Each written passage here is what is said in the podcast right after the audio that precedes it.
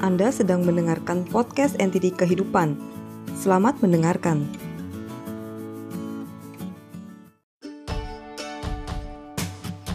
Mari bergabung dengan NTD Fun Club.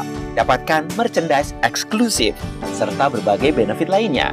Bergabung sekarang juga. Hubungi WhatsApp 0813 80 80 2513. Ini cerita tentang sebuah cermin. Cermin yang bersih, jernih, dan berkilau. Hampir setiap hari, banyak yang mendatanginya untuk bercermin. Setiap kali orang-orang itu bercermin, pasti bertanya padanya apakah kekurangannya dan apa saja kelebihannya. Cermin ini selalu menjawab apa yang ditanyakan orang-orang tersebut. Lambat laun, cermin terus mengomentari pada apa pun yang terlihat olehnya, meski tak ada yang bertanya.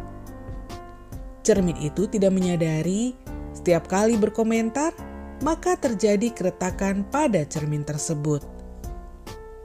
Semakin banyak berkomentar, semakin banyak pula garis retak pada dirinya.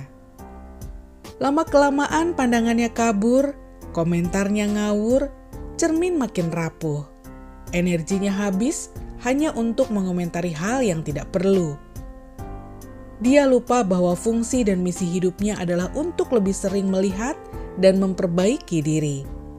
Jika itu dilakukan, maka cermin akan semakin jernih dan semua saling menata diri karena kemilau cermin mengharmonikan sekitarnya.